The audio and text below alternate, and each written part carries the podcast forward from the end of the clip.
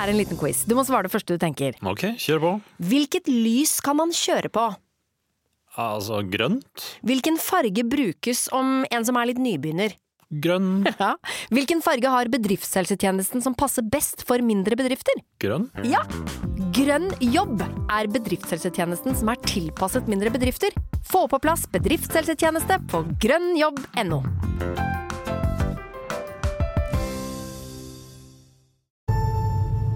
Jeg har kjent Jonny Hagelund i 30 år og vært med på noen av reisene hans. Noen få, vel å merke. I og med at jeg ikke er så stor fan av å surre rundt i en jungel i ukevis og spise insekter og bark, eller klatre over et fjellpass i 6000 meters høyde for å finne en inneklemt dal hvor det ikke er en kaffebar å oppdrive, har han reist mye på egen hånd for å ta de unike bildene og finne de utrolige historiene. Men i denne podkasten kan du være med fotograf og eventyrer Jonny Haglund på tur. På sine utrolige reiser til de mest bortgjemte steder har han filmet og tatt opp lyd, så da er det bare å lene seg tilbake og drømme seg vekk til de mest eksotiske steder på denne planeten. Og være trygg på at du slipper å bli fengsla, skutt på eller spist av kannibaler. Dette er Grenseløs, en podkast fra produsenten av Avhørt.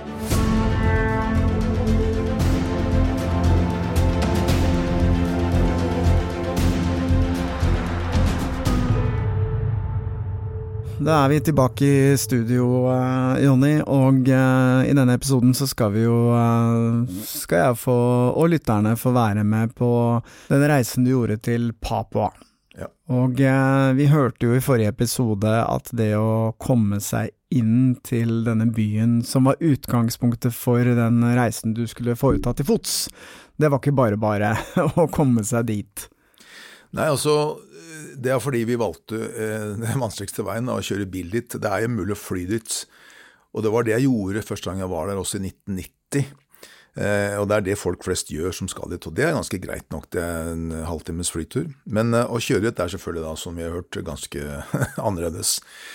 Men ja, det var der jeg starta. Altså, jeg var jo der første gang i 1990, og da jeg var der i Wamena, denne byen heter, da, så gikk jo også folk rundt i byen i tradisjonelt antrekk, og da mener jeg altså koteka, som er da penisfutteral, som mennene hadde på seg eh, futteral over eh, tissemann, og så hadde de ikke noe annet.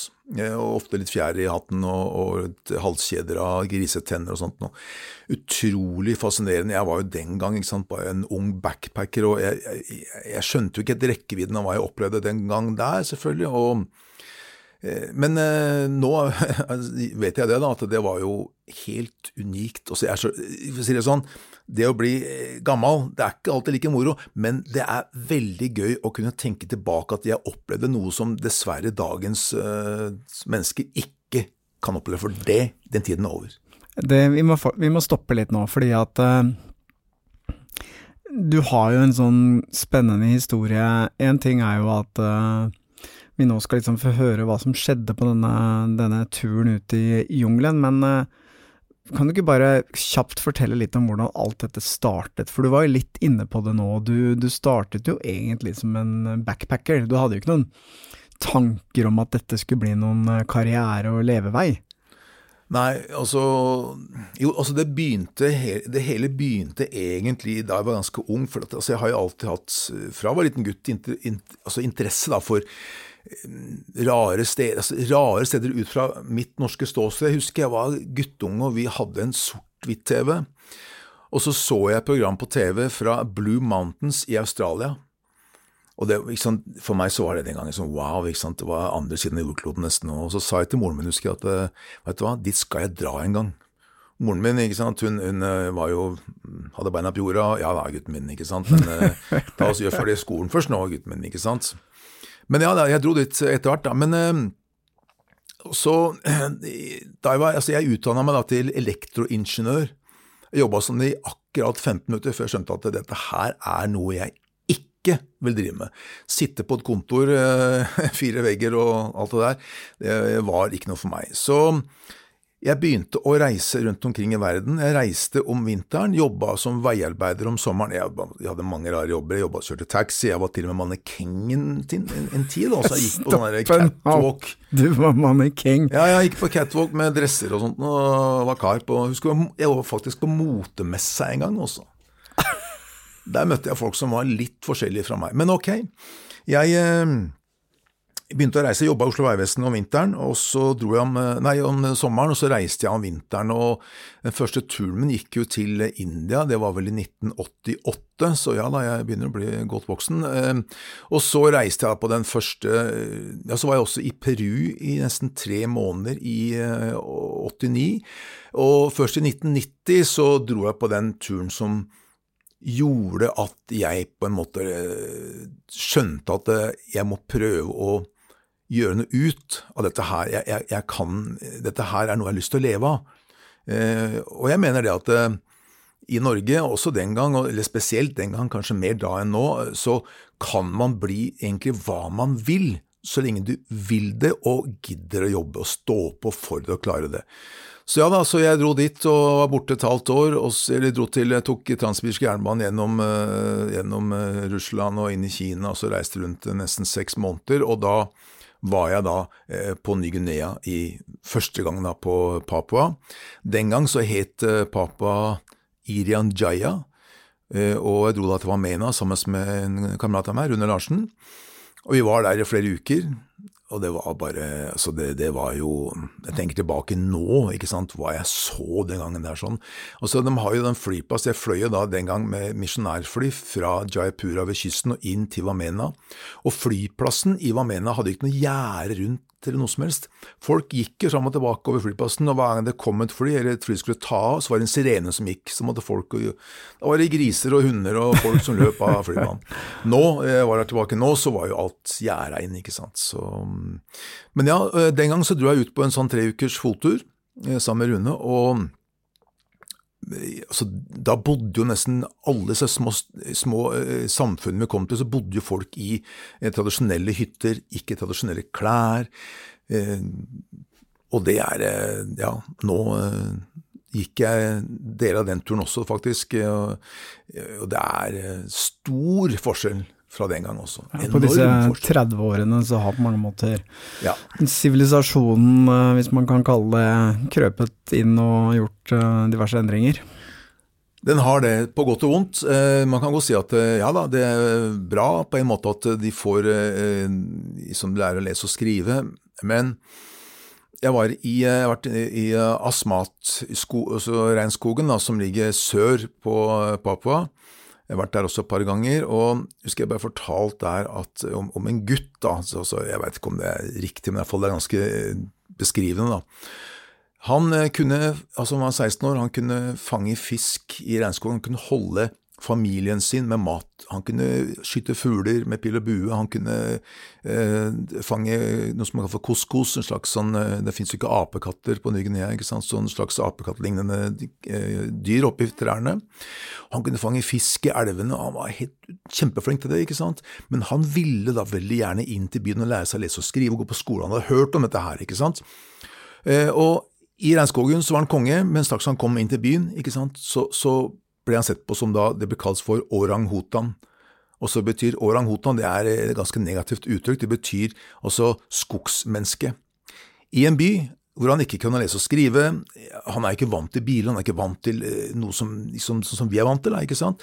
Så han var konge i regnskogen, men inne i byen så ble han da liksom sett på som en idiot. Ja, ikke sant. Og det er det, det er det, som ofte skjer, eh, og det er det som er litt problemet, da, kan du si, med det har vært, altså Misjonærene har jo hatt papa som sitt sin eh, skal si, for en lekegrind i, i mange tiår, hvor de har, skal omvende disse her eh, forferdelige kannibalene. For det har vært, det har vært praktisert kannibalisme der i mange år, ikke sant, eller generasjoner, for å si det sånn. Og, eh, så, så, for dem så er det ikke sant, å prøve å omvende dem. Men det som skjer ofte, er at de skaper behov. Når de ser disse misjonærene som har radio, og som har ting og tang, og som lærer dem å lese og skrive, for at de må lære seg å lese, så de kan lese Bibelen. Ja.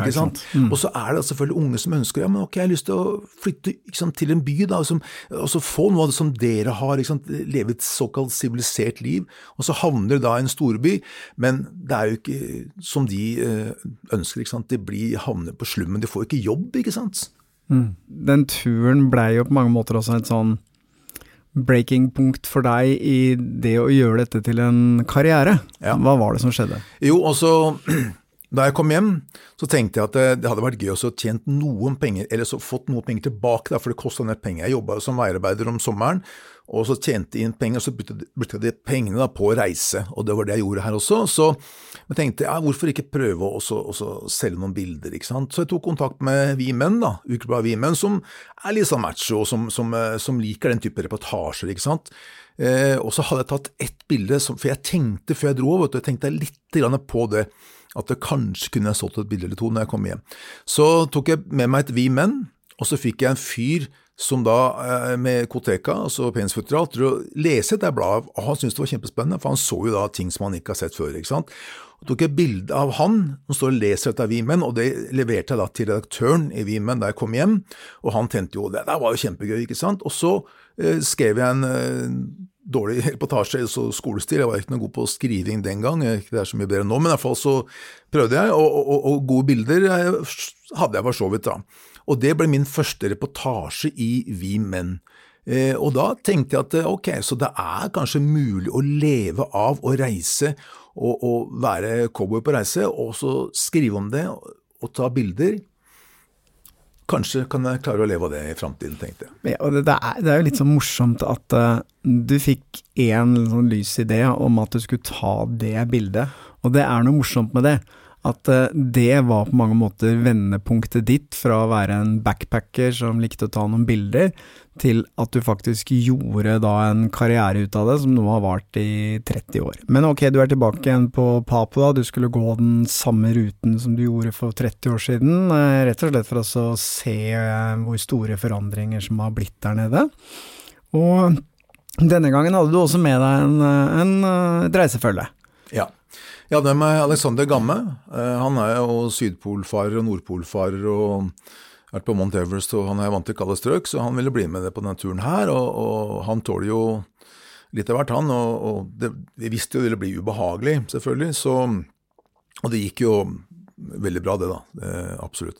Men det som var egentlig målet nå, var altså, som sagt, så var jeg der eh, første gang i 1990, men så var jeg tilbake på Ny-Guinea igjen i 1994, og da var jeg inne i regnskogen i 42 dager.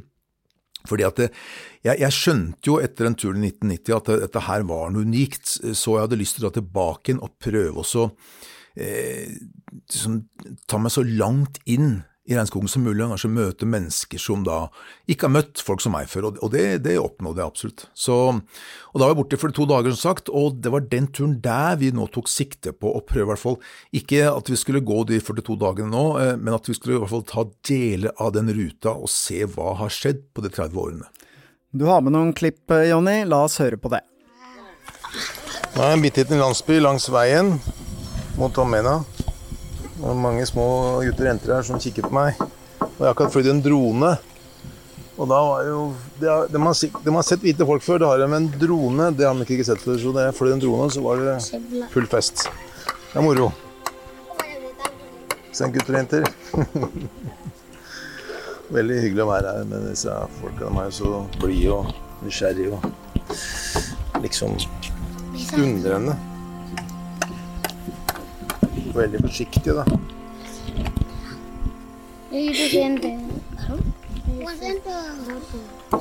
De er litt lyse i håret. Merkelig.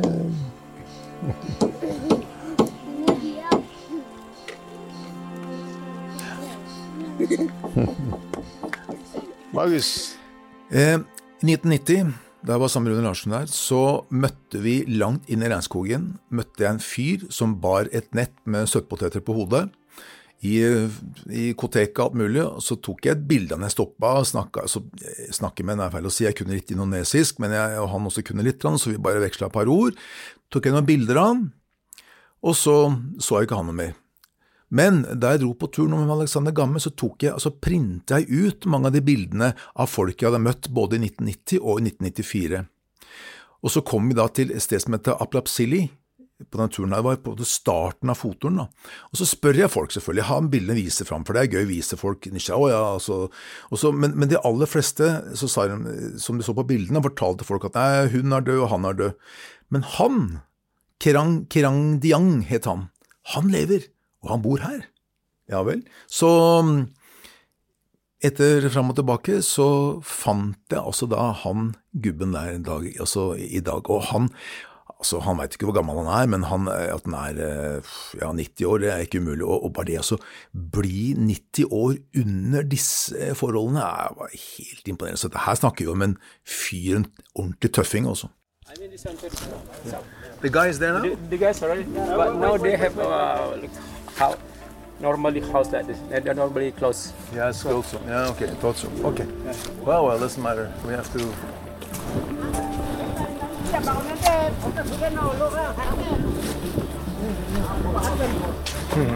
Okay. Yeah.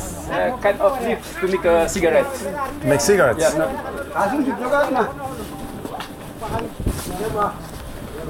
Have you showed him the? Yeah, showed him the photo.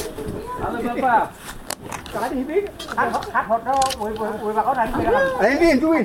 Chú, chú, chú. Wah, wah, wah, wah. Har humi, humi wa dak ba photo ba konari. Kon ari ba lu ka sa ko kari. ne ya, ya. Ni lang dal sia bak ma ulai. Ni sang ko de ko bak ma ulai. Helt, også det, det, var, eh, altså, det var egentlig eh, nesten verdt hele turen. Altså jeg hadde, hvis jeg hadde snudd da og reist rett hjem, så hadde jeg følt at eh, ok, den var vellykka. Fordi at, som sagt, så var jeg litt forsiktig da jeg møtte ham første gang med å spørre om for mye ting, men nå hadde jeg med meg en tolk. Det er en annen historie som jeg skal ta snart også, for så vidt. da. Men, eh, eller jeg hadde med to tolker, faktisk. da, En som er fra Borneo, som jeg har kjent i mange år, og så hadde hun da Martinius, som er fra Jali sammen, eh, som snakker litt engelsk, og også selvfølgelig da både indonesisk og, og stammespråket. We asked about uh, you know the old traditions with cannibalism and things which happened in the mountains many years ago.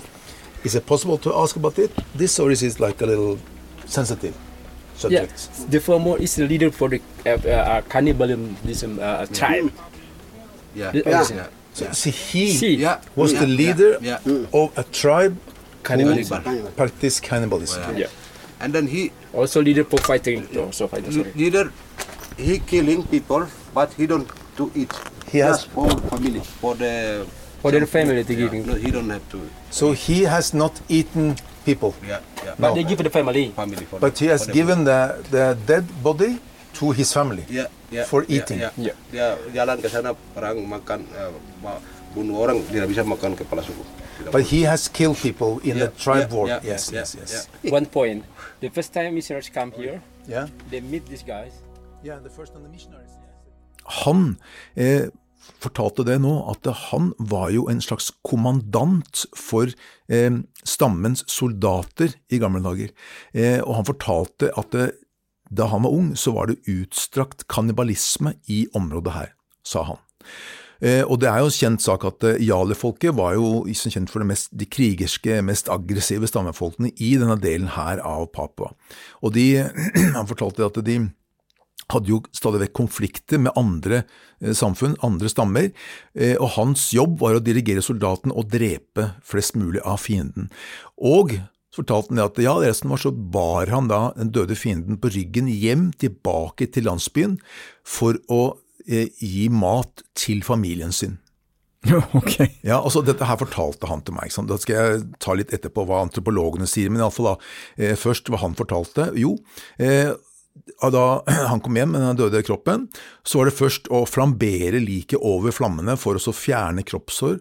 Og så kutta de opp magen, eh, tok ut innvollene og så grilla det litt til, før de kutta opp hele liket i biter, og så la de da liket nedi en grop hvor det da lå glødende steiner, og der måtte det ligge da og gore seg i fire timer.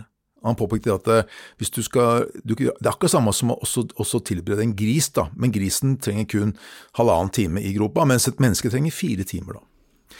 Eh, og så så- så- koketida var eh, fire timer. Ja, da koket jeg, fikk oppskriften der. Så, men men, eh, det, liksom, det alltid jeg har trodd og har jo blitt fortalt, er jo det at dette med altså spise andre mennesker, det handler eh, mye om overtro. Eh, eksempel at du kan eh, erverve deg liksom, kraften til det mennesket du spiser ved å spise det mennesket, eller deler av det mennesket. Men også det at eh, å spise fienden sin er det mest nedverdigende du kan gjøre til, med dine fiender. da. Så det var på en måte eh, også en, en måte å håne på en måte fienden enda mer enn da. Men så sier han der eh, Krang Diang at nei, vi spiste fordi vi var sultne. Og blanda du dette her med søtpoteter og tok salt oppi, så var det god mat, mente han da.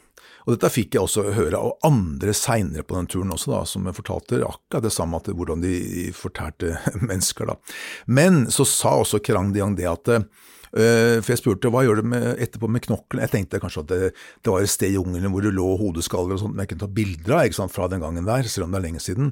Nei, for det, men det var det ikke, fordi knoklene blir knust til støv eller pulver, og så blir det strødd utover i regnskogen slik at de døde ikke skal hjemsøke de som har spist dem. Så ja, det handler selvfølgelig også om overtro.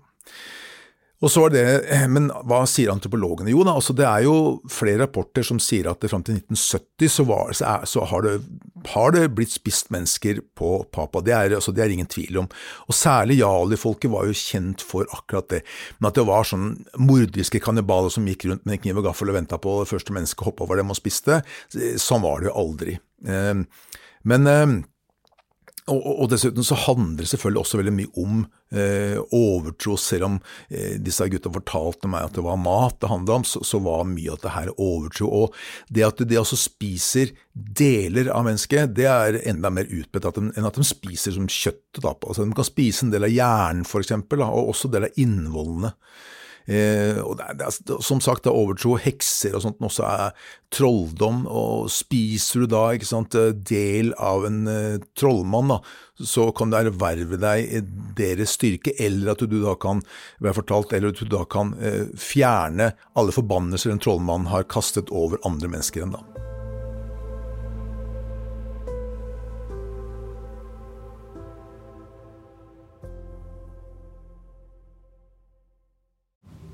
Noe av det som er så fint med podkast, det er jo at du kan høre på samtidig som du gjør noe annet. da Rydder i kjelleren eller boden, f.eks.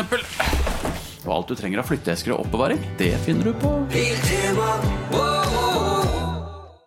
Velkommen til Kjemperådet! Yes, Denne gangen har vi fått inn et kjempedilemma fra en familie. Okay. Jeg leser Hei, vi er litt uenige i familien her. Mm. Hvis du skulle vært et dyr, ville du hatt gjeller eller vinger? Oi, den er tricky. Ja, Hva ville dere hatt, da? Altså, jeg vet ikke, men Med familierabatt får du ubegrenset data fra Telenor fra 399 kroner. Da kan du scrolle seg til svaret, rett og slett. Ja, ok, Men for min del Ja. gjelder. Nei, nei, Gjeller. nei, vinger. Nei, nei, Ja, gjelder. ja, kjempebra. Men eh, se nye mobilabonnement på telenor.no, da.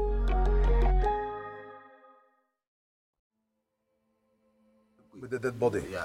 And then the whole family eats. Oh, yeah, yeah. Eats. After oh, yes, one, one, So- uh, one hour or two hour after that, it's already Yeah. cooking. They open, then everybody coming, and one, one man facial, they cut Yeah. some little bit and keep like yeah, into So that's a Wame seduk. Yeah. Wame nak makan ribat. human barbecue. We cook, cook, cook with the with the by hot stone. Hot stone. He, he also has he also this this gentleman also next to him. That's- Yeah, yeah. He also Yeah. is. He, he, he, Baru he- Baru He remember? igual. He, Eh, he, he remember, but he, he knows he knows story. Short. Salt. Karam, yeah, karam. Yeah, have us for makan. So he has. Yeah, to little go there, bring here for a karam, then masak. Du skulle treffe en kannibal. Det er jo flaks at du står her i dag, da, i og med at eh, du kunne jo blitt spist da. Ja, men, så, tenk på det sagt den gangen at de misjonærene ser, ser gode ut. La oss ta litt pepper på dem, og så spiser vi dem. Da hadde de sammen med meg. ikke sant? Det var vel noen stammer eh, som tok den varianten også. Det var det. Det var visst det. Men eh, uansett, også det er så Men etter at du hadde truffet denne tidligere bekjente som du traff for 30 år siden, og det var jo ganske tidlig på turen, hva, hva skjedde videre? Jo, også Vi hadde med oss en, eh, en som het Burdan, som er, eh, min, eh, som har kjent i flere år. Jeg har brukt han som tolk og kjent med han på, i Indonesia mange ganger. og Flink fyr, for så vidt. Men det er noe med det at altså Papua er litt annerledes enn resten av Indonesia. og folk som kommer utenfra, altså fra andre steder i øyriket, de er ikke så populære på Papa fordi det har vært en del konflikter eh, mellom indonesiske myndigheter og eh, folk på Papua, papuanere. Eh, og, og, og, selv om han på en måte ikke har noe med det å gjøre, han Burdan, så representerer han i manges øyne indonesiske myndigheter. Da, så, så, og det merka jo han også, for at uh, han, allerede dag én så merka jeg det at han var ganske nervøs. Fordi at på en dør, altså Første natta i Aplapsili så var det en dør hvor det var eh, tegna flagget til såkalte separatistene, da. De, de kan du si eh, så, ja, De som ønsker å frigjøre Papa? Ja, ikke sant. Mm. De som vil frigjøre Papa på den døra her. Og da blei han veldig redd, liksom. For det har vært eh, også Senest i september i 2022 så ble jo veiarbeidere, flere veiarbeidere drept, og det har jo vært episoder hvor 20 eh, veiarbeidere har blitt drept, indonesiske veiarbeidere har blitt drept av disse her eh, bevæpnede gruppene. Da. Så på dag to så står jeg og tar bilder. Da har vi gått fra Aplapsili til en, en, annen liten landsby, og så står jeg og tar bilder, og så kommer det en fyr bort til Burdan, jeg hører ikke hva han sier, jeg hører ikke, han hører bare lav prating, og da sier han et eller annet til Burdan som gjør at han blir bare, altså han blir helt likbleik, og stopp å ta bilder, stopp at det bilder, sier han, for nå, hvis ikke så kommer de og tar oss og sånt noe. Så, så og jeg lytta jo til han, da, men jeg, liksom, så spurte jeg eh, Martinius, som var vår eh, lokale tolk da, fra Jallestad, men han sier nei, bare tull, bare ta bilder, sier han. Så det ble litt sånn der konflikt der sånn. Øh, og det endte med at Burdan øh, ville gjerne reise ut av regnskogen. Han, han, han turte ikke å bli med videre. Så, så, jeg betalte han penger, og sånn at han klarte å komme seg ut med, tilbake da, til Wamena. og så fløy han da visstnok, eller ikke visstnok, jeg etterpå fikk jeg høre at han fløy derfra videre da, til et annet sted eh, på øya, eller på Papa, hvor han hadde familie. Og vi fortsatte. Martinus og, og Alex og jeg fortsatte. Eh, og gikk da innover i, i, i regnskogen. Og den stiene på Papa er jo Det er ikke som blåmerka løyper i, i Nordmarka f.eks., eller DNT sine stier i fjellheimen. Det er, det er smale, glatte altså Det er mulig med regn, ikke sant. Steiner, tømmerstokker, masse, og så leire, og så er det opp og ned og over stri elver. Noen er høye, noen er lave, og noen er sånne jævlar! Som ligger akkurat der hvor det ikke skal ligge. I den høyden hvor du ikke kommer over, og hvor du jaggu omtrent ikke kommer under heller. Men nå prøver vi ny teknikk. Sekk først. Funka jo faktisk veldig bra.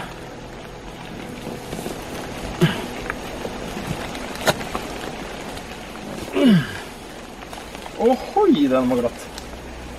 Ohoi, den var glatt.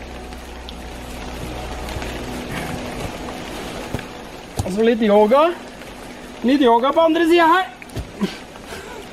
Jævla mas på han der krølla, altså.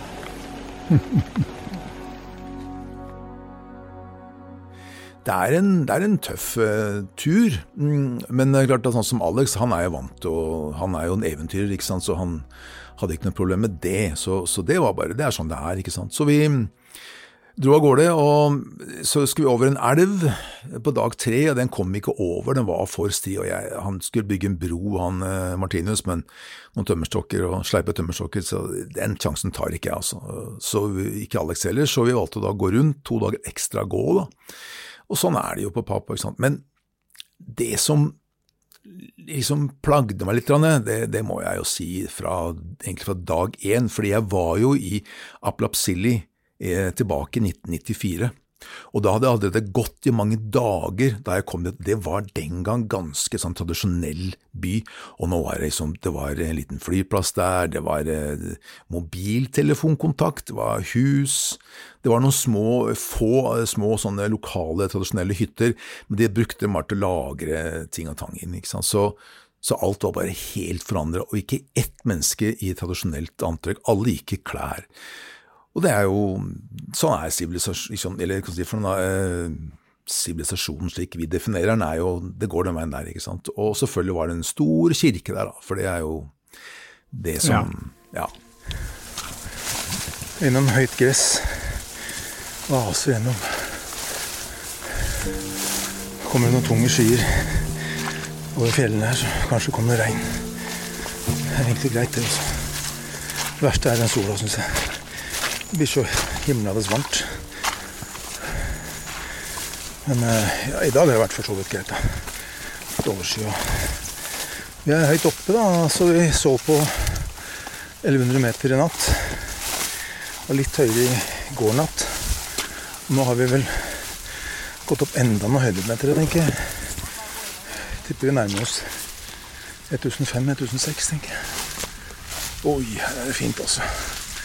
Det er den utsikten, du. Det var litt sånn tåke mellom disse jungelkledde fjellene. Og så er det folk vet du, i det fjerne. Jeg ser det brenner inn i jungelen her. Sånn røyk. Noe som har fyrt opp et bål, eller noe som Den brenner jo området. Så dyrker de poteter. Så kanskje det de driver med. Hogger ned regnskogen, og så brenner de. Så dyrker de søtpo- søtpoteter.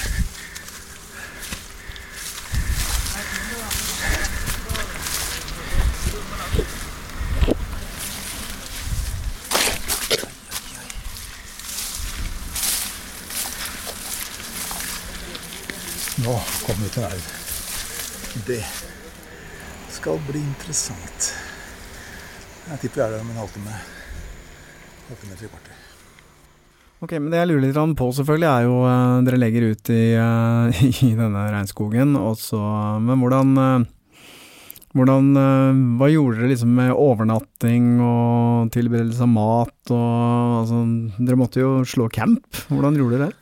Ja, altså Jeg var der de første gangene på Papa, så var det ikke noe problem å få tak i bærere, folk som kunne hjelpe oss. Også, vi betaler jo godt, selvfølgelig, det gjorde jeg den gang også, fordi jeg vil at folk skal liksom få godt betalt for jobben de gjør. Men problemet nå er at eh, altså, det var så vanskelig å få tak i folk som ville hjelpe oss å bære. Vi fikk, altså vi, vi, vi fikk tak i noen i Aplapsili, men de var med et par dager, så ville de ikke mer.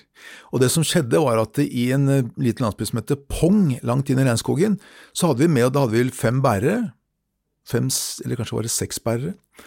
Men plutselig så sier eh, eh, fire av dem, eh, tre eller fire av dem, sier de at eh, nei, vi vil ikke mer. Vi snur, vi går tilbake igjen. Ja, men altså, vi betaler jo Nei, han var ikke interessert likevel. Han var ikke interessert i penger, ingenting, vi ville bare snu.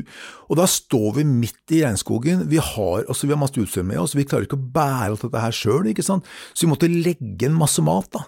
Og utstyr i denne landsbyen. Også De som bodde der var veldig happy, selvfølgelig. De fikk jo, vi delte ut til noen familier og sånt, og mat og alt mulig, og lykter og forskjellige ting. da. Så det endte med at eh, Alex og jeg måtte bære mye sjøl på ryggen, og det, det er ikke noe problem det, men er det at eh, når det går sånn som det, sant, så, så gleden ved å gå i jungelen når det er vanskeligst tid, og så i tillegg bære tungt, den blir ikke så stor da, ikke sant, og jeg som skal da fotografere og prøve å fange liksom hva jeg opplevde og sånt, og det, det så eh, det blir lagt liksom litt sånn demper på det, fordi at jeg nok må gå, så se ned og bort og hvor jeg tråkker da.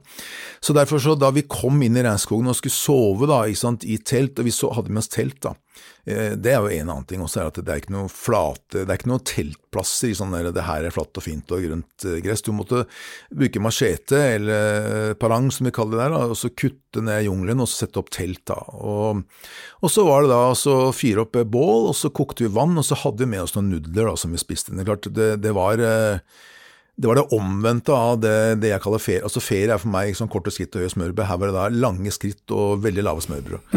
Men, eh, Ja, ikke sant. Men, men eh, det, det, altså det, ingen av oss sulter i hjel, for å si det sånn. Også verken Alex og jeg er så veldig overvektige, så, men vi er nok å gå på. Vi klarer oss nok en to, tre, fire, fem, seks uker uten mat. Det gjør vi. Men eh, klart det, det, det, du bruker mye energi når du går, og, så du trenger litt eh, tilskudd, da. Men eh, sånn er det. Det er, det er eventyr. Du, det er det som er med Ny-Guinea. fordi Alex han er vant til å planlegge. Han skal til Sydpolen, så veit han ikke sant, dag for dag hva han skal spise, og han skal, hvor han skal gå, hvor langt han skal gå. alt det der sånn. Men på Papa så er det vanskelig, fordi at det, sånne ting som dette her, som du ikke planlegger, det, bare, det skjer.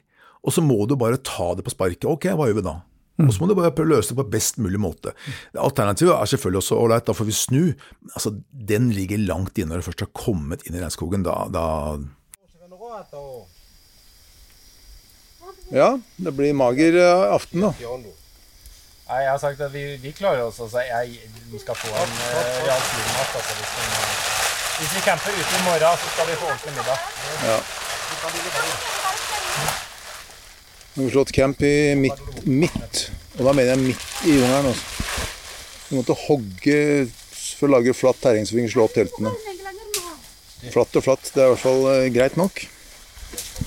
Vi kommer til å sove godt, for er, eh, vi har gått litt i dag. Det har ikke vært en gratis dag. Gutta har lagd en sånn her, eh, lite, en lite hytte, liten hytte da, med plastikk på toppen og blader som inngang.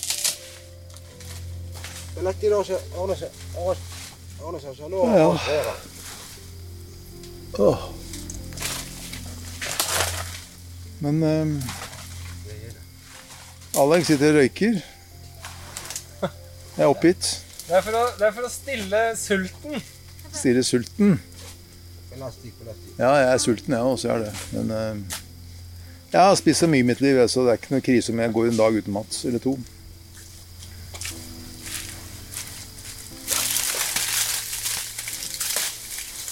Ja, de der mor og fyrer opp da, bål, så da får vi se. Når det er kokt noe vann, så kan vi i hvert fall spise noe. Håper jeg. Kan ikke du bare fortelle, fordi eh, det er jo noen praktiske problemer som skal løses underveis. For jeg vet jo at du ønsker jo å sette igjen et minst mulig fotavtrykk når du er ute og reiser. Altså er du ute i jungelen, så skal dere sette på seg telt, men så er det jo liksom Hva gjør man med søppel, eksempel? Eh, Så skal man på toalett.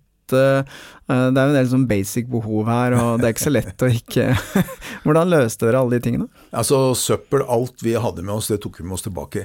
Selv om det ikke Det er ikke opplagt det, også fordi at sånn som Martinus da, som var med oss, ikke sant. Også, vi hadde jo med oss eh, to bærere fra Vamena, sånn at bare så det er sagt. Så, så de som dro fra Pong, da hadde vi fortsatt to igjen da når de dro.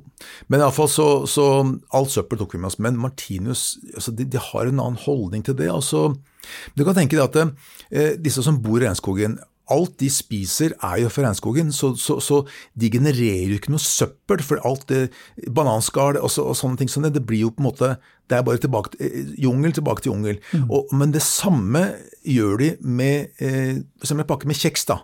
Ikke sant? Og tar med papir og kaster i regnskogen. For de, de, sånn har de alltid gjort det, ikke sant? men nå er plutselig den der kjekspakka er jo ikke bananskall. Så, så vi måtte bare vi måtte jo gå etter dem da, og så plukke opp søppel og si 'Martinus, du må ta med deg søpla'. Å ja, ja, ja. ja, Oh, ja, ja, ja. ja var ikke, var ikke at det var noe vondt, men, men ja, det, det, bare, det bare liksom lå i korta. At det, sånn har vi alltid gjort det. Så, så. Men vi plukka opp selvfølgelig alt av søppel etter oss, og det er jo naturlig.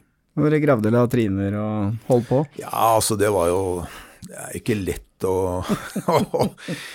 Med massevis av uh, maur og kryp og stokker og pinner og sånne pigger, sånne planter med pigger, ikke sant. Jeg husker jeg satte meg ned, og så en sånn busk jeg ikke så, da, med sånne skikkelig sånne pigger med mottaker. og så det er du brukte jo, brukte kvarter på å komme opp igjen, ikke sant? for jeg satt jo fast. vet. Så, så det, men det er sånne ting som Men ikke sant, akkurat det der at det er ubehagelig, for det er ubehagelig.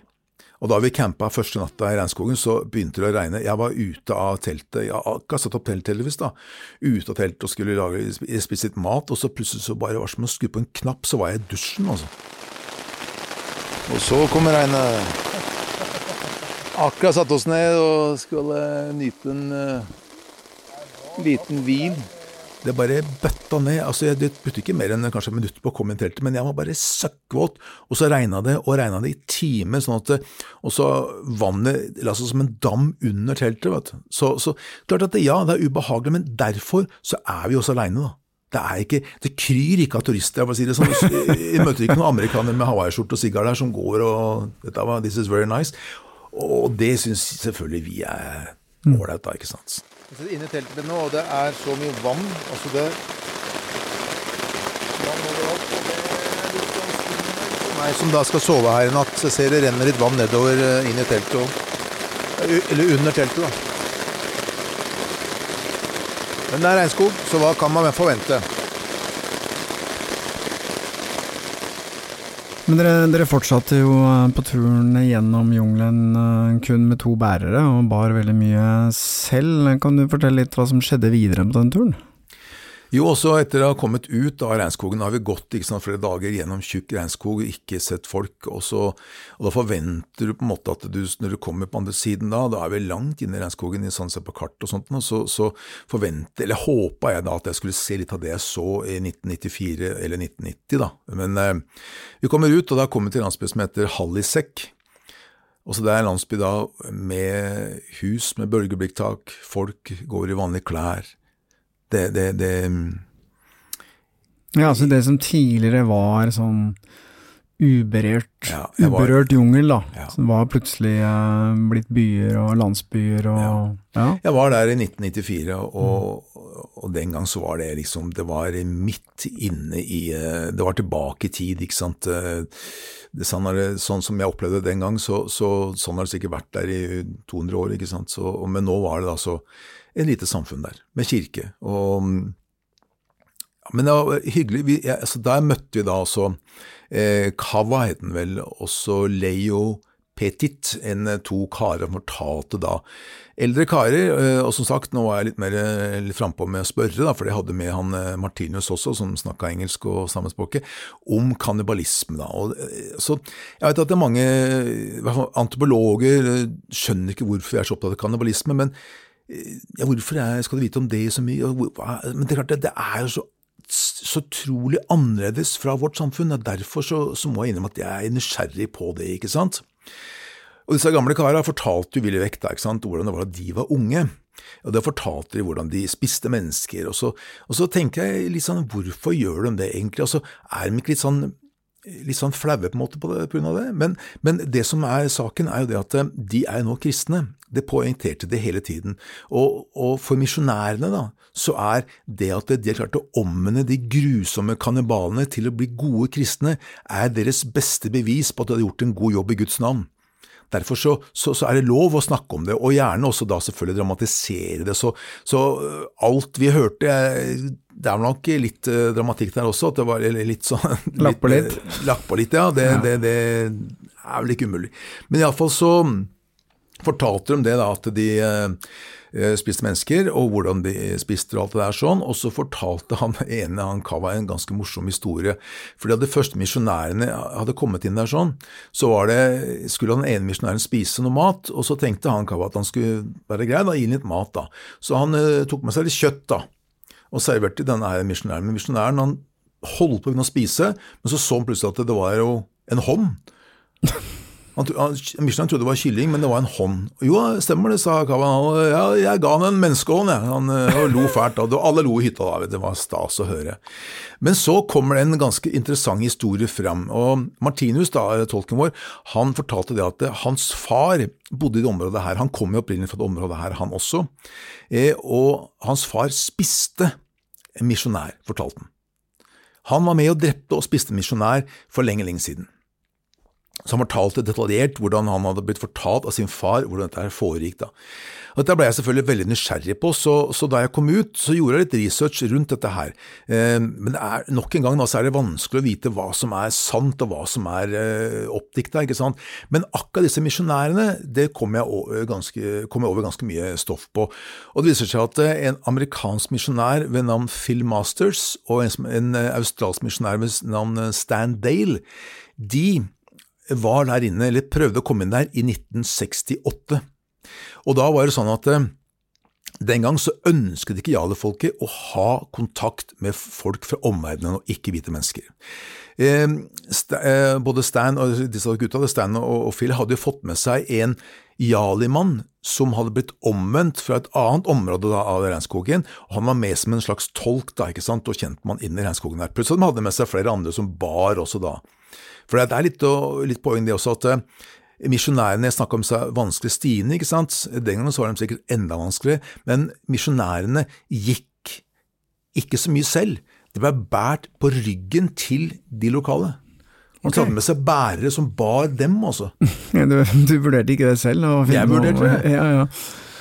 Nei, det gjorde jeg ikke. Nei, det, det, altså, det, det, det, Bare tenk deg liksom en hvit mann blir båret gjennom regnskogen av lokale folk.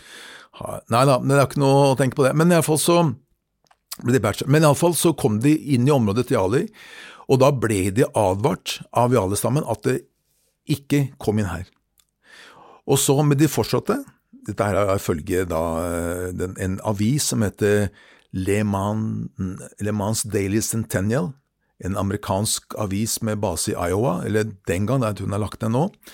Fordi eh, han kom jo derfra, han eh, Phil Masters. Eh, men de fortsatte. Men så sier han Jalin, som var sammen med disse misjonærene, at nå har jeg fått et signal om at det skal drepes. Og det skjedde visstnok. De skulle krysse da en elv, og så blir de da skutt med pil og bue. Og de blir drept, og de blir båret til landsbyen, og der ble de spist da, blant annet av pappaen til Martinus. I know he don't long time stay, come back. So we stay in village Yeah. most of the time, yeah. yeah. Yeah, yeah, yeah. He was thinking Ah, back. makan bagus. Ja, ja, makan, makan. so he liked to eat human flesh, and he ate the missionaries.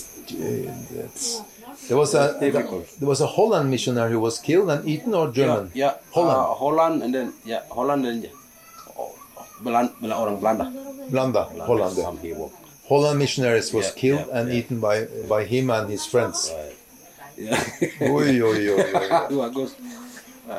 But when they were fighting, they they also they also killed uh, women and children also, or only men. Only men. Only men. Women, women never to killing. Never kill women. Never kill children. Det er slik historien sier. Denne historien ble også bekrefta av en eh, kristen, en digital eh, kristen avis som har base i Washington, faktisk. Så, så at noen ble drept og noe skjedde, det er det ingen tvil om. Og disse to gutta ble borte, den forsvant, ikke sant. Så, så, så om de ble drept og spist, altså det er jo, finnes ikke noe bevis på det, men i alle fall historien er interessant, og jeg har jo fått den nå fra flere kilder om at de faktisk ble det. Og så er det mange som spør da selvfølgelig, ja, men hvordan kom da til slutt misjonærene inn her? Fordi at det, det, de kom jo inn her, og det er, nå er jo alle folk omvendt ikke sant, til uh, kristne. Det som skjedde var at det bare tre-fire måneder etter at det her, disse her ble drept, så var det et annet, et, et misjonærfly som fløy over der, som, som da krasjlanda i regnskogen. Eneste overlevende var en liten gutt, og han ble tatt hånd om av stammen, de drepte ikke han. Eh, og så Etter det igjen så var det da en, en gruppe som eh, lete, en leteaksjon etter han gutten. Da var det da folk fra Wamena som dro inn, også da med misjonærer som dro inn for å lete etter gutten, eller lete etter overlevende fra krasjen. Da de kom, så tok Jali-stammen det som et slags signal på at det nå, eh, som gjorde at de da følte at det, ok, nå, nå får dere lov da, til å komme inn her, og dere får lov til å, å snakke om, eh, ja, ikke sant, forkynne om guden deres da. Så, så i hvert fall sånn historien er da, at det har jeg blitt fortalt, eh, eh, som førte da til at Jali-folket til slutt da ble omvendt og gode kristne mennesker. Så denne flykrasjen altså var liksom utløsende for at de eh, ble litt mer åpne for å ta imot disse misjonærene. Ja. Mm. Men etter, eh, hva gjorde dere etter at dere Ja. var i den byen der? Jo da, så var det det fortsette videre. Og så, men jeg må innrømme at da, da jeg sto da i Hallesik, og jeg sa det til Alex også, at nå, er vi, altså, nå har vi gått så langt, og, og vi er midt i regnskogen, og det er jo, altså, det er jo ikke noe forskjell. Også, også fra de andre landsbyene vi besøkte på denne turen her, men det er enorm forskjell fra den gangen jeg var her. Og vi spurte også andre der, sånn, hvordan er det lenger inn i regnskogen, hvordan er det, eh, ikke sant, Sali og sånt, de andre landsbyene, er det det samme der? Ja, det er det samme der.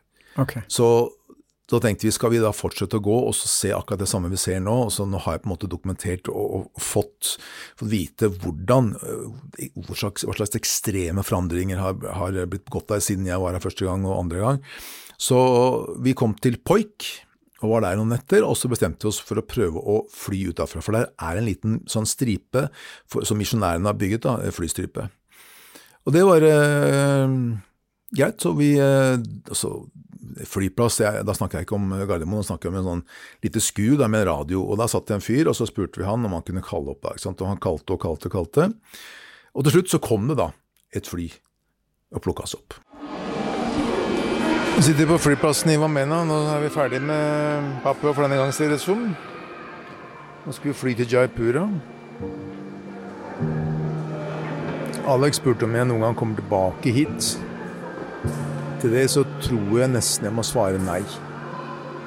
Akkurat nå så føles det i hvert fall feil dra tilbake hit. Jeg har sett det jeg ville se denne gang, og jeg er jo så heldig at jeg faktisk da for snart 30 år siden også så og opplevde det tradisjonelle Papua.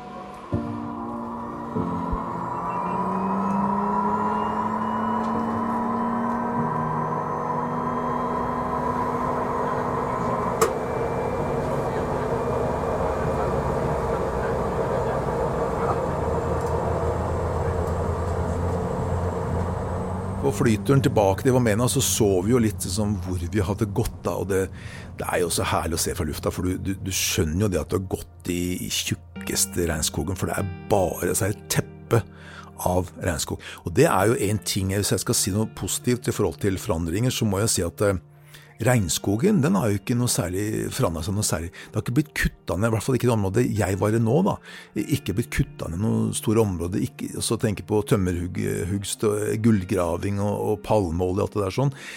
Fortsatt så er jungelen der intakt, og det var, eh, det var litt deilig å se.